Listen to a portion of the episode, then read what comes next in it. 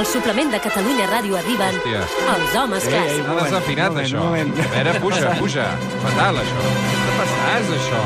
Ready, set, Però, però, Ui, ui, ui, ui, ui, ui. Els reis L'Albert Cots, que és el nostre tècnic del directe, que és de falset, que jo crec que ho diem poc, que és de falset, sí? Bons ha, vermuts. no ha tingut jo. la iniciativa de canviar la careta d'entrada vostra. Per desafinar-la encara Me la pots més. tornar a posar des del principi, Albert, sisplau? Això és un drama. Hòstia. Però què has fet? Jo Al crec que més farà. de Catalunya Ràdio arriben Però espera, espera, mira, mira aquí ara. Mira, puja, puja. No, mare de Déu. Més que bons és vermuts, això? massa vermuts, Albert. Aquí, el... Albert Galceran i Mestre Pardo. Bon dia. Això és una aberració a la Això és música. un drama. Jo Sí. tinc una úlcera ja d'escoltar tanta Ens surt sintonia. sang per les orelles. Va, avui què ens heu preparat? Mira, avui tenim una pregunta per fer-te. Uh, si tu fossis músic, com creus que et podries donar a conèixer? Bueno, primer, molta imaginació, si ell fos músic. Amb, doncs suposo que fent bona música, no? Sí, quan comences la teva carrera com a flautista... Sí, sí. Tocant molt bé la flauta, com s'ha demostrat en algunes ocasions en aquest programa. Sí, sí, però els músics, a, a banda de fer bona música, potser necessiten a vegades un trampolí, eh, que els Clar. doni a conèixer, i de fet per arribar al gran públic, en- encara que sembli mentida, alguns grans músics, ja, que, o sigui, que són històrics, s'han donat a conèixer a través de concursos Sí, musicals. senyor, concursos musicals. I avui el que volem explicar-vos és alguns casos com aquests. Per exemple, una pianista, aquesta.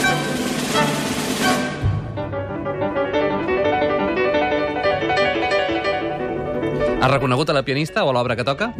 A veure, o sigui, si és una Mira, pianista... és que, o sigui, de m'estàs veritat- demanant que reconegui qui toca el piano aquí. Clar. Home, clar. Home, no. No? No, home, no. O sigui, fa dos mesos que estic presentant el programa.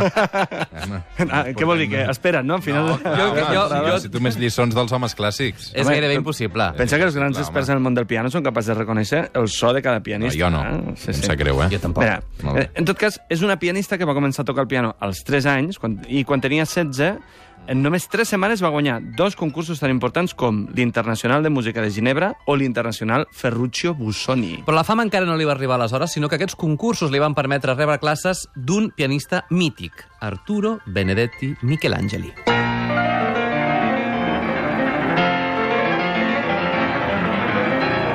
Això és molt difícil, eh?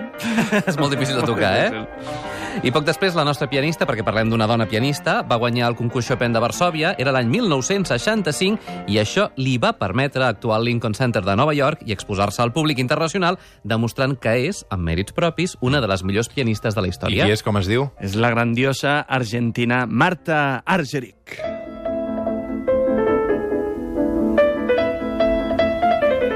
La Marta Argerich, que gràcies al concurs Chopin, això va poder demostrar el seu gran talent. Eh? Un talent que ja tenia abans del concurs, però, clar, la visibilitat que li va donar poder guanyar-lo li va permetre fer una carrera internacional que encara avui, clar, la porta pels millors auditoris del món. És molt gran ja, Sí, però però encara, és una passada, una passada com toca. És allò que diuen, un llibre molt bo que no llegeix ningú, no sabràs mai que és bo. Per tant, així va poder ser llegida, diguéssim. Exacte. Canviem d'instrument.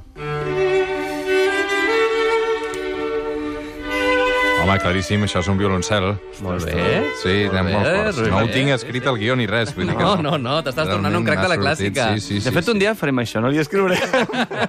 És Misha Maisky, que quan tenia 18 anys va participar al concurs Tchaikovsky i no el va guanyar. Va quedar sisè. Sí. Sí, on està el mèrit de cada sisè? Mira, sembla que, que va quedar sisè perquè hi va haver una mena de mà negra, però una mà negra molt generosa, eh? perquè el mític Rostropovich, eh? Mitislav Rostropovich, Sí. l'angelista, estava entre el jurat. I llavors ell justament va lluitar perquè no tingués un, perquè no guanyés, perquè no tingués una bona posició, de manera que va situar-lo al número 6, quan, clar, segurament hauria guanyat, eh? però ell va dir que fos el número 6. El número 6, sí, perquè Rostropovich el que volia era agafar-lo com a alumne, preparar-lo, i que l'any següent es tornés a presentar en aquest concurs, després d'un any d'haver-lo estat preparant. I així poder guanyar el concurs. Exacte, tot es va precipitar perquè va guanyar el concurs Gaspar Casador, de Florència, i això li va permetre debutar al Carnegie Hall de Londres. I des d'aleshores és un dels cellistes més reconeguts del món. Conclusió. Els concursos musicals, eh, evidentment, són un trampolí per donar a conèixer el talent de grans músics. És això el que em voleu dir avui, no? Exacte, però hi ha una història que ens guardàvem i la volem explicar aquí al final, i és que... Bé, escolta una, una veu, ja veuràs quina veu més extraordinària.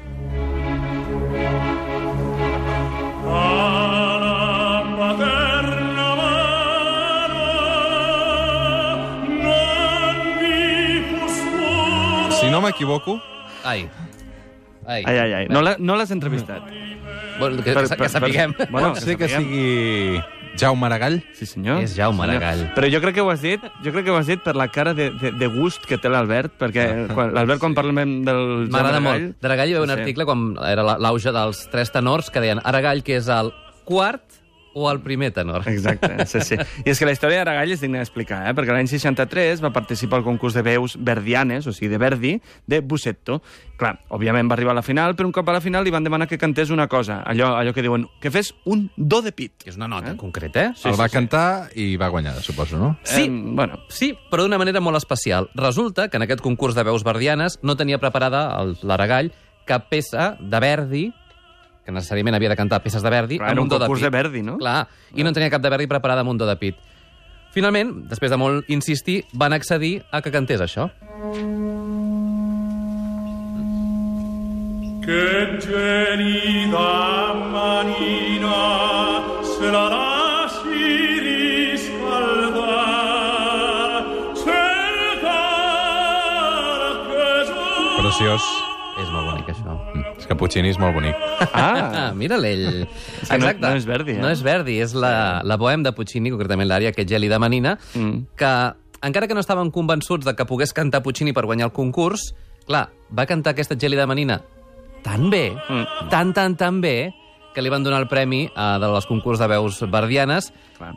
Per mèrits propis, Bueno, perquè, òbviament, l'emoció eh? és brutal escoltar-lo. O sigui, Aragall és l'únic cantant de la història que ha guanyat el concurs de veus verdianes de Bussetto cantant Puccini. Puccini, o sigui, esclar. un doncs crac. eh, Super. boníssim. Avui és evident que els concursos serveixen per donar a conèixer un munt d'artistes. Qui també, de fet, ha guanyat un concurs últimament, i així també pot demostrar el seu talent, és la nostra convidada d'avui. Una convidada que sona així.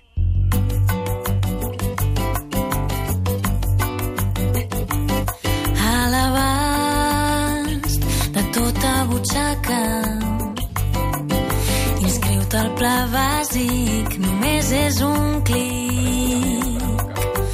Si trobessis res millor a les fires d'ocasió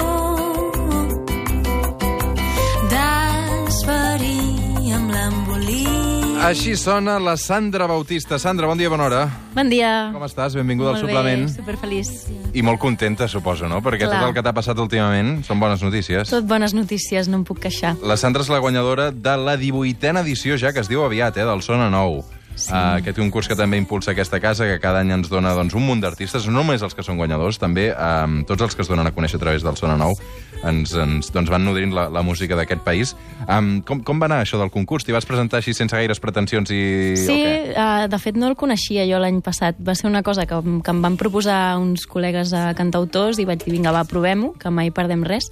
I anàvem passant fases i allò que dèiem, ui, ui, ui, que com arribem a la final, què? I si guanyem, què? I Imagina't. al final, mira... D'on surt la Sandra? Jo, de Martorelles, del meu poble. I aquesta iniciativa de dir, mira, va, uh, faig el salt i em, em dono a conèixer en un concurs? doncs una mica va, va fluir bastant, vull dir que no, no és res Tu que ja jo... cantaves, tenies un grup, no? Bueno, jo feia versions més, més aviat, no, no havia composat mai i l'any passat, cap a l'abril o així, em va venir una, una onada d'inspiració i no sé per què em vaig posar a composar moltes cançons i per primera vegada m'agradaven. Llavors vaig decidir fer un disc. Sí, t'agradaven La primera vegada. M'agradaven, que- Abans no t'agradava el que feies. no, no, jo sempre guardava les cançons en un calaix, que ningú les veiés i tal, i des de que vaig decidir ensenyar-les, doncs tot ha anat molt millor. De fet, l'any passat vas publicar el teu primer treball, La casa de les millors olors. És això que De les estem- mil olors. De les mil olors, perdona, és això que estem sentint, eh? Ah, sí, aquí, aquesta cançó forma part del disc. Doncs va, sentim una altra. Both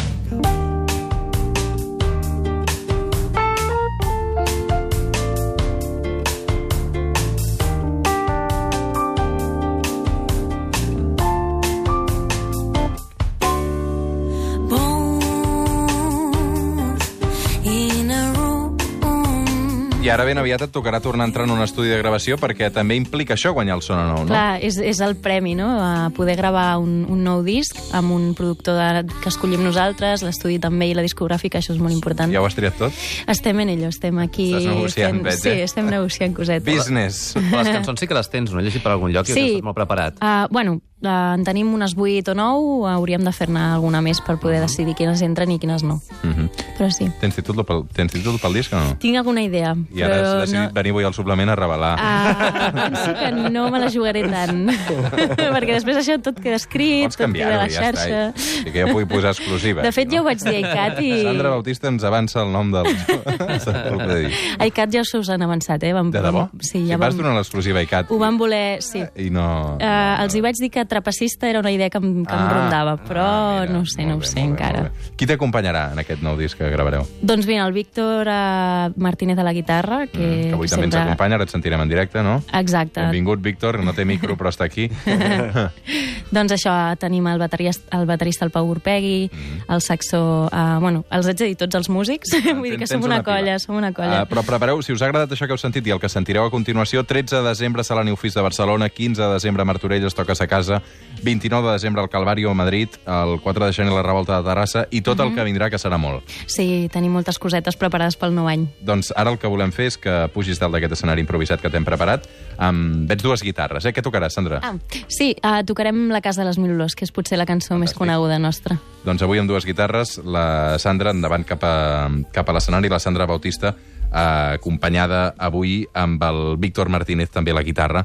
Eh, són els guanyadors de l'última edició del concurs Sona Nou i avui han vingut a presentar aquest eh, treball eh, acompanyats dels homes clàssics. Tots dos ja estan preparats. Quan vulgueu, endavant.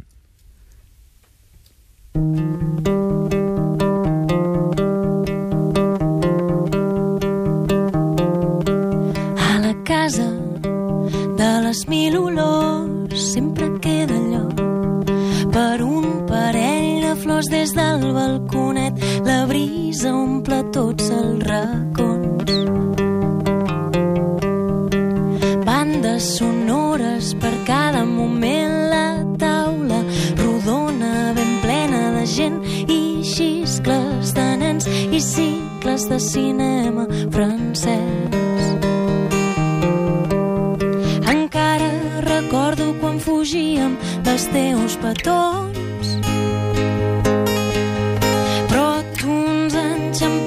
ens menjaves les galtes amb tant, però tant, però tant d'amor. Lola, Lola, que la pos m'hi cola amb un dart suïcida, la culpa que tremola i l'ànima ja vola, forta i decidida, lliure i tota sola, gràcies a tu, Lola. A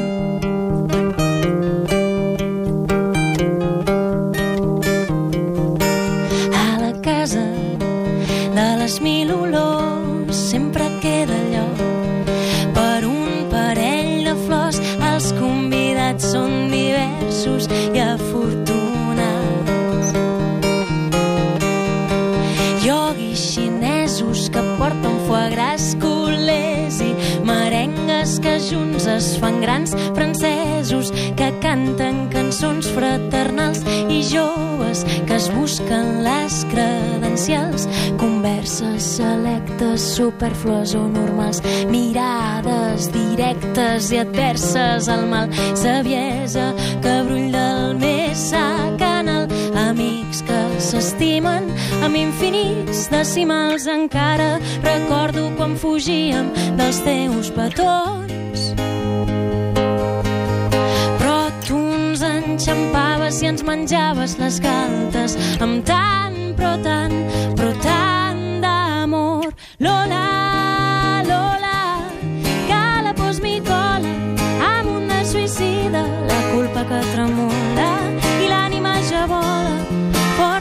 decidida, lliure i tota sola, gràcies a tu, Lola, Lola, que la pos cola amb un suïcida, la culpa que tremola i l'ànima ja vola, forta i decidida, lliure i tota sola, gràcies a tu, Lola.